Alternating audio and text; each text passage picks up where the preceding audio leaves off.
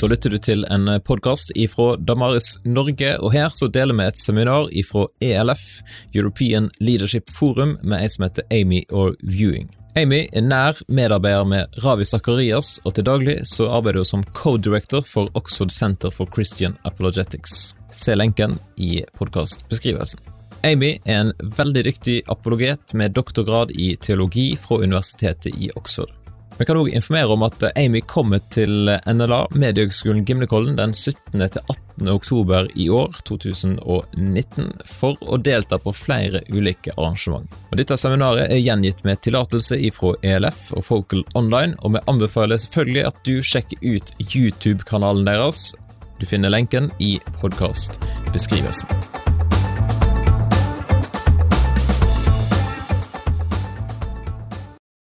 I'm in conversation with a, a wonderful uh, woman, and uh, her name is uh, Amy um, Orr Ewing, and uh, Amy is British. She lives uh, in Oxford, and um, she has a, an amazing story to tell. Uh, Amy, welcome. Thank you. And um, you gave an amazing talk at ELF um, this year and about reaching the, the, the, younger generation. And in a moment, we're going to um, ask you about that because it was really an engaging um, talk that you gave. Thank you. Uh, I was sitting in the audience and um, just watching the, the audience, and people were just, tell me more, tell me more. so in a moment, I'm going to ask you to tell me more. But first, let me ask you a little bit about your background. You're British. Yeah. You describe yourself as having three careers. Tell me about them. yes. Um, so yesterday I was saying I feel like I have three full-time jobs. Um, the first one being as a mother to three boys, um, my twins who are 12 and right. another boy who's nine, yeah. Um, and and a wife. So that that role in the family. And trying to really disciple and raise the next generation, right. just you know, in one's own family. Yeah. And then um, my, my second job career um, is um, my kind of paid profession, which mm-hmm. is an apologist and evangelist, yeah. but also um, a team leader within Ravi Zacharias Ministries. I lead the Europe, Middle East, and Africa mm-hmm. team um, of our apologist evangelists, um, mm-hmm. and also our, our, centre in Oxford, the Oxford Centre for Christian Apologetics. Mm-hmm. Mm-hmm. Uh, so that, that that's quite a chunky wow. job there. And then my third job or role um, is as um, a pastor's wife, a, a, a, church planter's wife and mm-hmm. partner in that ministry. Mm-hmm. Um, so we uh, planted our church together six years ago, mm. just starting with eight people in our home, mm. and then it kind of grew from there. So I'm really involved in the life of, of our church as well. Yes. Yeah. yeah. Well, um, and from what I understand, it's a thriving church. I mean, uh, people are wanting to, to come and to be part of it. And to, uh, so yeah. I want to hear a little bit more about that uh, sure. in a moment. But um, in your careers, um, particularly your career as the director of the uh, Oxford Centre for Christian Apologetics, you've had some tremendous opportunities to speak in the UK and, and, and around the world. Yeah. Uh, you've spoken in the British Parliament in Westminster at, in, in the, the chapel. Yeah. You've also addressed the staff in the West Wing of the White House. Yeah. um, yeah. Tell us about those engagements. Oh, yes. Well, um, so as part of, of the ministry that um, that I'm involved in, and we have sort of four core areas of, of focus where we're trying to um, to reach people with the gospel, mm. and those four areas are um, the academy, so universities mm-hmm. and you know graduates as well as as um, undergraduates, mm-hmm. business world, um, mm-hmm. and then politics. The mm-hmm. political arena would be one, and then the sort of media and arts is the other. Mm-hmm. So um, within that focus, uh, the team has opportunity to speak in lots of different contexts. For me, mm-hmm. at the British Parliament, um, I've spoken there um, in the chapel, as you say uh, spoke at the carol service there. Um, mm-hmm. and at, at, at, other events as well. And then also um, in the speakers' rooms, mm-hmm. um, sometimes they have they host outside speakers to come mm-hmm. and give a talk. Mm-hmm. Um, and I, yeah, have the privilege of speaking there about the reliability of the Bible and then answering mm-hmm. questions from MPs and, and peers mm-hmm. on that subject. Right. Uh, and at the uh, at the West Wing, um, that was uh, there was a, a, group of Christians who were on the staff there and they wanted to hold an outreach event for their colleagues. Mm. And so they invited me to come in at one lunchtime and just, just speak and answer questions. Brilliant. So, Brilliant. yeah, there are Christians everywhere. Isn't that wonderful? and it's wonderful to, yeah. Uh, part of our, our, ministry is to go and serve those kinds of groups. Sure. To come in from the outside and, yeah. you know, hopefully give an engaging message and right. answer questions. Yeah. And one of the interesting uh, aspects to uh, being an apologist is to be able to share the gospel um, in every sphere of society. Yeah. Um, yeah. And any opportunity that you ask to uh, share why you you are a Christian and why Christianity is reasonable yeah. and and um, and commendable to people in the world today, um, you have the opportunity to share that uh, yeah. all over the place. It, se- it seems like um, apologetics, at least in the way we're trying to do it, which is really focused on the unbeliever. Yes. Um, it, it, it seems like that's a, a, way that, that Christians in the workplace feel mm. confident to mm-hmm. set up an event for their colleagues, or mm. you know, students in the university feel confident to set up an event for mm-hmm. their peers to come and hear a presentation, mm-hmm. um, maybe about God and suffering, or um, God and science, or one of these areas where there's an interface between the questions people have about life and meaning and purpose and what the Christian faith has to offer. Mm, right. Yeah, so that's yeah. that's our sort of yeah. sweet spot. Yeah. yeah. Well, we really give thanks for these opportunities which you and others have uh, to speak uh, into various spaces. Um, about the in- integrity and the truthfulness of the Christian faith. Um, but we, you do that against the background of reports in the British press yeah. um, very recently about the huge numbers of young people who are disaffected with religion. Um, the Guardian just reported 70% of young people in the UK today identify with no religion. Yeah. 59% never attend a religious service. 66% never pray.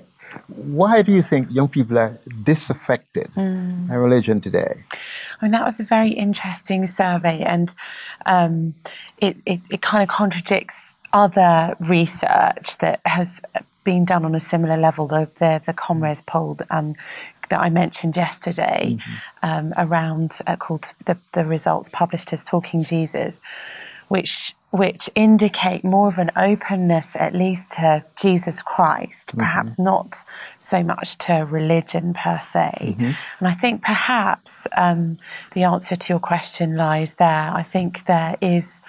Um, a suspicion of mm-hmm. institutional religion for mm-hmm. sure, mm-hmm. and probably that may be related to um, the, the child sex abuse scandals that have ripped through every institution in mm-hmm. Britain, including the church. Mm-hmm. Um, but I also wonder whether it's it's to do with a kind of disconnection from life. So mm-hmm parents and grandparents are no longer connected with the church in the same way that they were in previous generations. Mm-hmm. And it's just a kind of working through of that reality. Mm-hmm. So, mm-hmm. young people, when asked, don't really feel that the institution of the church plays any kind of significant role in their mm-hmm. life. Mm-hmm. And so, it, it, maybe doesn't have any relevance to them. But I don't think that's the same as um, a, a, disconnection from from the Lord Jesus mm-hmm. Himself, mm-hmm. and um, I really see it as an opportunity for us as Christians to mm-hmm. to be thinking about um, evangelism with a kind of clean slate, if you mm-hmm. like, mm-hmm. without the baggage of nominalism or a kind of institutional or hierarchical imagination of religion. Mm-hmm. Yeah. Well, which leads me then to, to ask what do you think are some of the obstacles to the, the church uh, reaching young people today. Um, you uh, mentioned some of them uh, in your talk uh, last Yeah. night. Um, what can you tell us? What are some of the obstacles facing young people in terms of uh, their uh, wanting to um, find the church a meaningful place Yeah. for, for them in their life? So last night I was talking about um, five kind of major obstacles. The first being, I think, that um, that the church is just nowhere on the radar of young people as um, as a sort of source of anything relevant to them. So the first challenge is to really mm-hmm. get onto the radar mm. because of course we know that the mm. message of Jesus mm. and the ch- difference he makes in our lives is of massive relevance. And mm-hmm. certainly my experience and I think the experience of of growing churches is that where young people encounter Jesus and hear the gospel they they realize and are very very open mm-hmm. to to his relevance and his power in their lives today.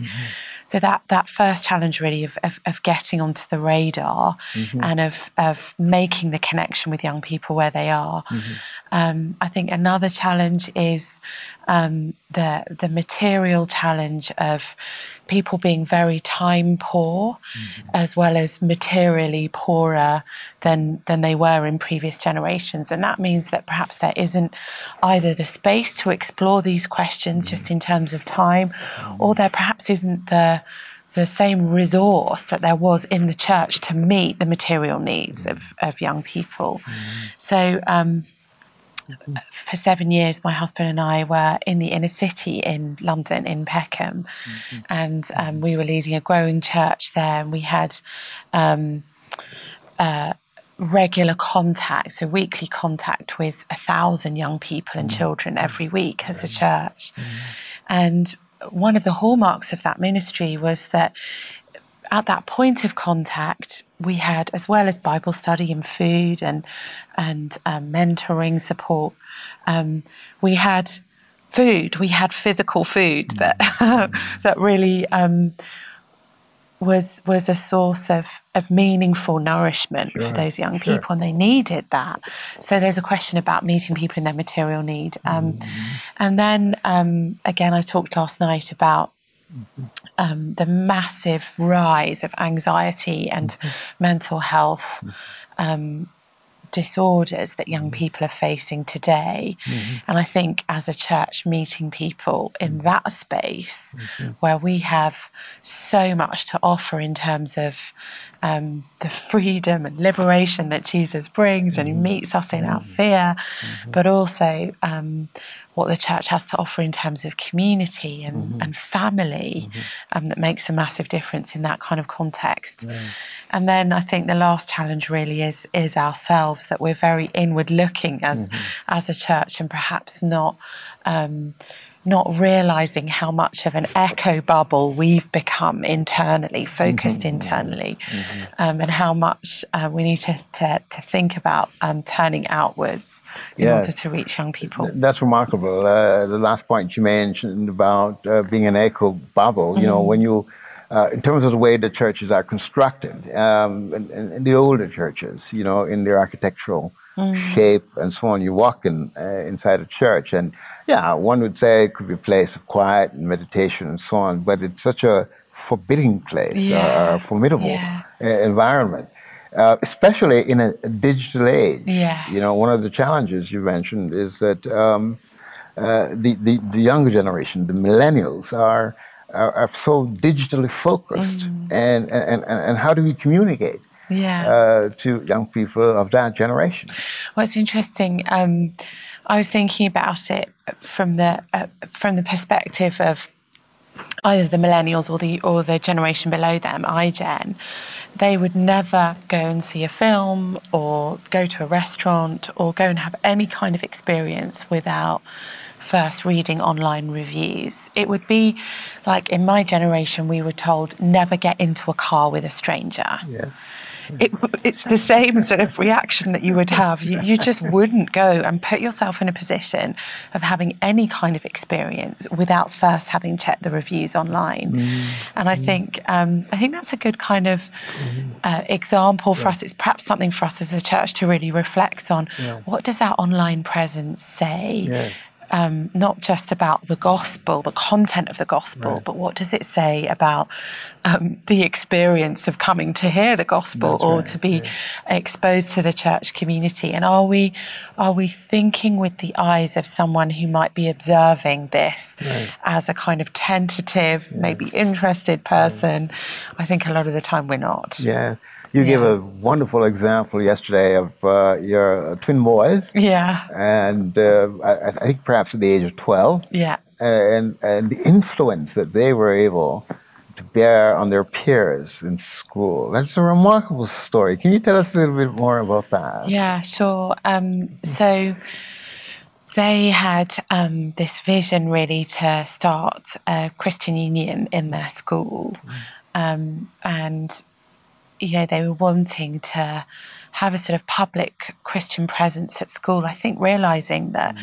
you know, just like as an adult, we might spend the majority of our time in the workplace. Mm-hmm. A, a, young person, other than their own family and home, is going to spend a lot of time at school. Mm. So we can invite them to our church, but you know that's a long way away. We need a Christian presence there where they mm. are day in day out. Um, and so they um, they had this vision and idea, and one of them emailed a teacher to ask whether it might be possible to mm. have a conversation about about starting a Christian union in the school. And um, the teacher was so encouraged. He was a Christian and he'd been praying for quite a long time, for years actually, that he could um, start a Christian union in the school. But he'd asked the headmaster if this were possible, and the head had said no, only if a student initiates it could it mm-hmm. happen. Mm-hmm. And so for him, it was a real answer to prayer. Mm-hmm. There's actually a, a, another um, dimension to the story that I didn't share last night which is that when my son went to talk to him about this, mm-hmm. he shared with him that he had been taken along to a Christian event 10 years ago yeah. as a young person himself, this, mm-hmm. this teacher. And I had been preaching the gospel and had given an appeal, and he'd come forward and given his life to Jesus.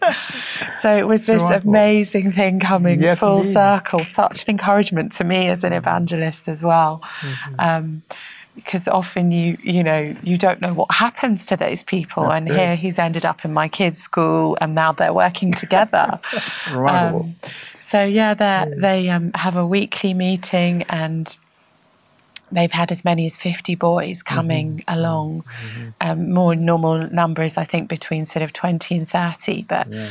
It's um, yeah. it's been incredibly encouraging. Right. So, what does that tell tell us about um, about those young people. You might think 12 and 13 and 14 year old boys, mm-hmm. according to the survey, mm-hmm. you know, they're not interested in God, they're not interested in praying, they're not interested in religion, yeah. but they have questions. Yeah. They have questions about um, what happens when you die. They have questions about purpose in life. They yeah. have questions about suffering. And now they've been told about Jesus, they have questions about Jesus. That's right. That's and right. so, um, it, this yeah this thing is growing and it's all organized around their questions right and they're taking the lead i mean yeah. they are the ones and you know as as a parent um, and as a pastor's wife, you're kind of yeah. watching and, and perhaps coaching Yeah, it's interesting. Back. Interesting for my husband and I. We're we're very much trying not to kind of get too involved and like do it for right. them. We want to support them and right. you know give them. We kind of point them in the direction of resources. But yeah, they're leading it That's definitely. Excellent. Yeah. So tell us about Reboot, yeah. Um, which is a, a, ministry you have uh, to the young people yeah. out of your church.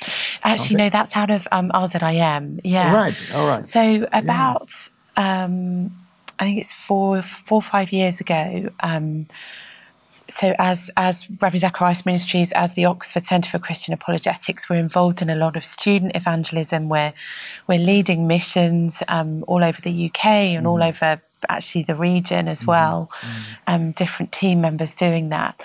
And we're seeing um, young people at university mm-hmm. who've grown up in secular homes and not not religious really at all. We're seeing them mm-hmm. hear the gospel mm-hmm. and come to know Jesus and make a commitment within a mission week. Mm-hmm. So exciting. Mm-hmm.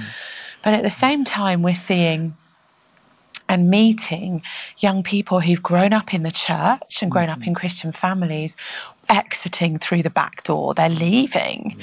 And so we felt this this real frustration. You know, the front door is wide open and there's so much work going into evangelism into that field, but the back door is open and it feels like um, there are serious reasons for that happening. Mm-hmm, mm-hmm. And I think at least one, I think there are lots of reasons for that, but at least one of the reasons that we observed and heard time and time again is that for teenagers growing up in the church, there's this tremendous emphasis on social justice, mm-hmm. a tremendous emphasis on Bible reading, mm-hmm. a tremendous emphasis on worship, the mm-hmm. experience of God in worship.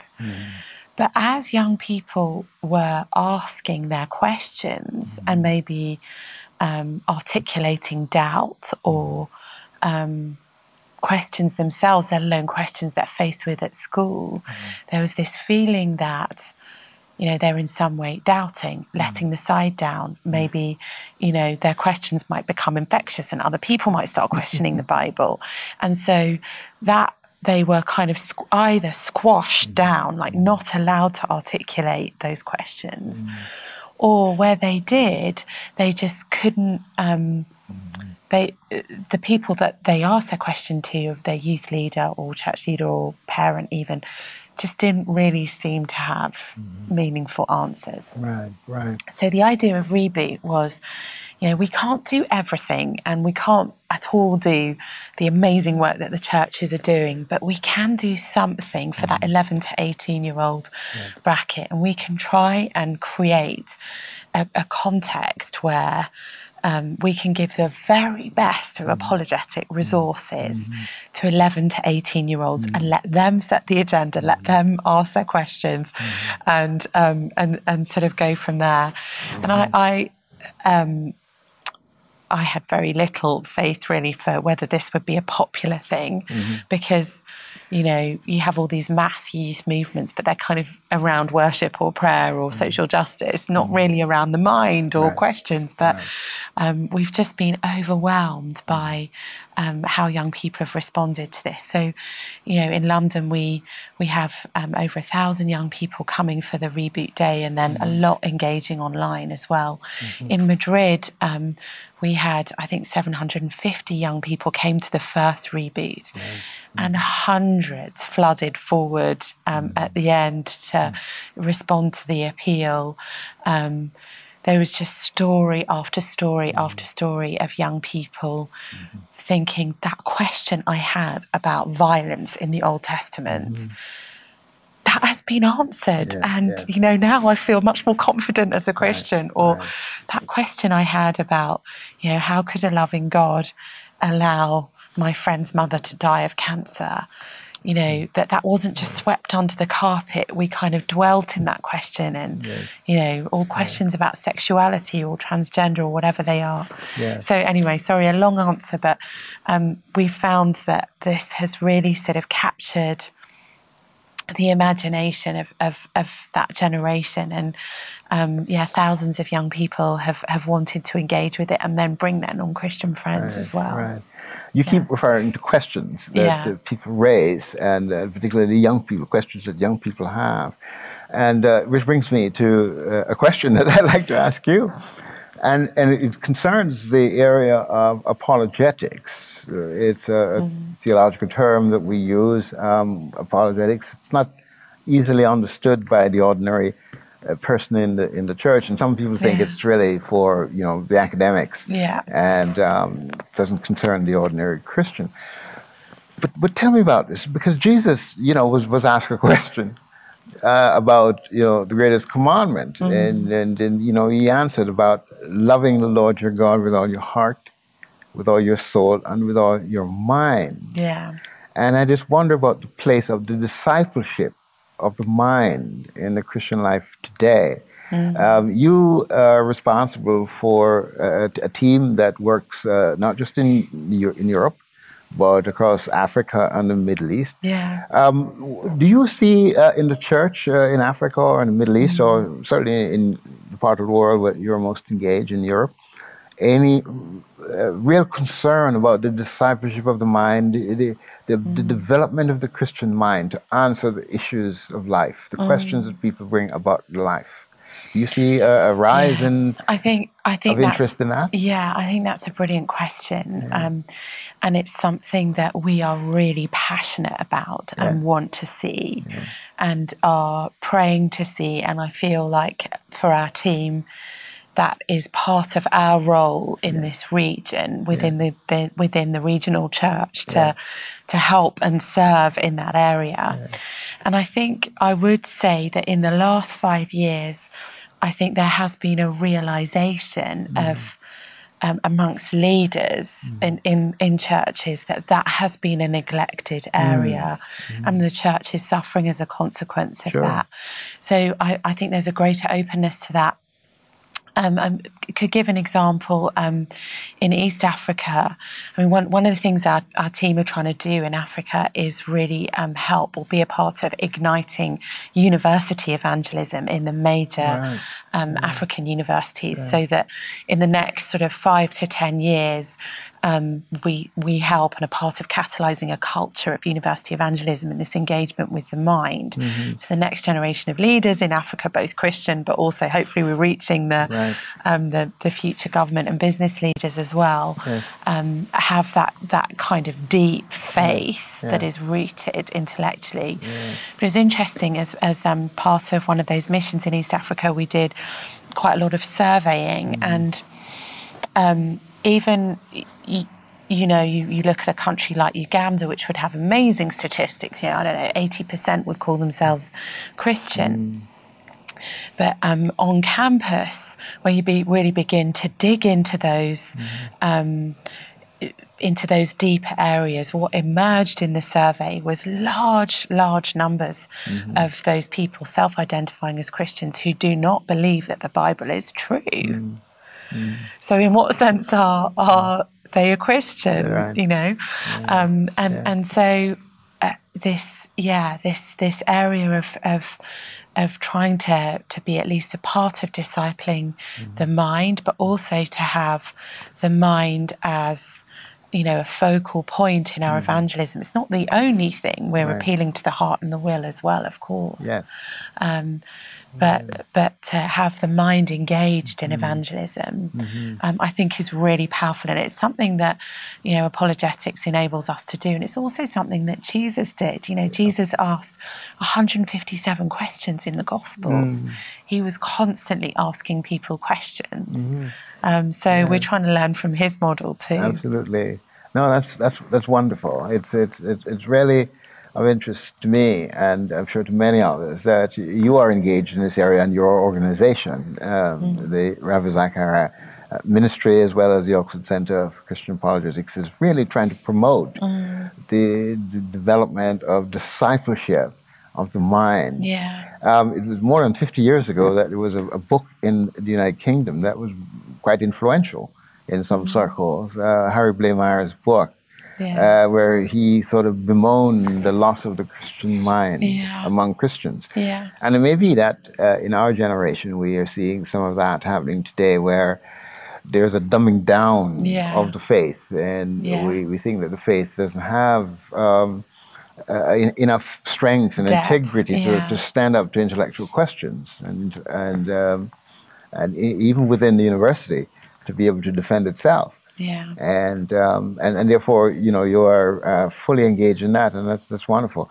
I, I just um, wanted to ask you, uh, within that context, do you see uh, any sort of indicators of hope that um, a, a generation will will will rise up where they can like the early church, like in the patristic period, some of the church fathers, real strong defenders of the faith against all the cultural challenges Yeah. that come their way. I certainly um, feel great hope about that. Yeah. I mean, I'm in my early 40s now, and Mm-hmm. um, a major part of what I'm seeking to do and hoping to do is um, to pour into those younger apologists who are in their 20s, yeah. um, but also through Reboot to begin um, to, to engage with people even as teenagers. So those foundations are being laid. Mm. And I think we are seeing, certainly across Europe, I mean, if you look at this conference at ELF, mm. but also across um, our networks as well, we're seeing um, whole groups of young people um, gathering together to to to learn how to to preach the gospel using apologetics. We mm. we have a thing called Proclama, yeah. which um, started in Spain, and it's it's now happening all over Europe. Um, mm. Young people finding their voices as mm. apologists and preachers, which is mm. is wonderful. Um, I think as well, though, that within um, the evangelical church in Europe, I'm detecting um, a greater commitment, a greater seriousness around scholarship, um, mm. and of that vision of um, people who are Christians, who are strong Christians, embracing the intellectual life, mm-hmm. pursuing an academic career, and mm-hmm. being in community with with other believers who are doing that. We definitely see that in mm-hmm. Oxford, and I know that's that's happening around around the world as well. Yeah um, yeah. so that so that Christians will, you know, rise up into teaching and, and publishing and um, hopefully then global lecturing uh, sort of careers right. um, and, and able to integrate the cutting edge of what they're researching and teaching mm. on and an apologetic for you know the truth of the Christian faith. Excellent. That's exciting. I mean, you see real signs of hope for the future, so that. Um, uh, those who fear that we may be entering another period of, of history that, uh, as in the past, was referred to as the, the Dark Ages, mm. where Christian light is, is dimmed. dimmed. Yeah. Um, there's hope that uh, the, yeah. the light will shine. Yeah. And shine through the yeah. defense of the faith, but also the, the, the vigor with which people proclaim and stand up for the faith. I'm certainly hopeful about the strength of the light. That's not to say that the darkness isn't rolling in. Yeah. I think um, we'd be very, very naive to say that yeah. we're not um, looking ahead into, yeah. you know, the next few decades of very, very serious challenge. Yeah. Yeah. Um, and I think that's that's along multiple um, a, a, a, along multiple lines, but around areas areas of Christian ethical teaching. Right. Um, questions around the nature of human identity, mm-hmm. those sorts of questions in in Europe in particular, I right. think um, are really facing us. And of course, in, in the Middle East and in Africa as well, we face the the challenge of you know the rise of a more militant form of Islam. Mm-hmm. Um, mm-hmm. So there are extremely serious right. challenges, but um, you know I certainly have hope that. Yeah the Lord is strengthening his people and mm. raising up a generation of, of, of Christian leaders who will mm-hmm. be able to, obviously, only in his strength, withstand and stand. Right, right. Um, one of the things that um, is certainly happening um, in in both in the sort of Protestant and the Catholic dimensions of, of, of Christianity is um, these, these um, pockets of hope, these mm. encouragements to uh, not be afraid, mm. uh, to uh, to hold on, and and defend, and and to proclaim, and to believe. Uh, especially in this age of rising doubt, yeah, um, and a lot of doubt uh, being uh, thrown at um, tenets of faith, yeah. and, and, and people are, are being confused and um, are um, and, and, and, fearful about truth. You know, yeah. is there anything that we know for sure that yeah. it's true. Yeah. And uh, Christianity it can defend itself in, in that arena. Absolutely. Right. Yeah. Right. Well, we want to thank you very much indeed, um. Uh, Amy. It's just uh, wonderful to have this conversation with you, and um, we look forward to hearing more uh, from you, uh, not just as a speaker, which you are just absolutely brilliant at, thank you, but also in your writings and in your organizational work and uh, the various forms of Christian ministry that you do. So thank you very much indeed. Thank you. Da vil jeg takke for at du lytter til denne podkasten her. Har du lyst til å støtte arbeidet til Damaris Norge, ja da kan du faktisk eh, dele denne podkasten med noen som du tror vil ha glede av den, eller du kan bidra til arbeidet vårt økonomisk. Gå inn på damaris.no og finn ulike måter der du kan støtte oss. Eventuelt følg lenken i podkastbeskrivelsen.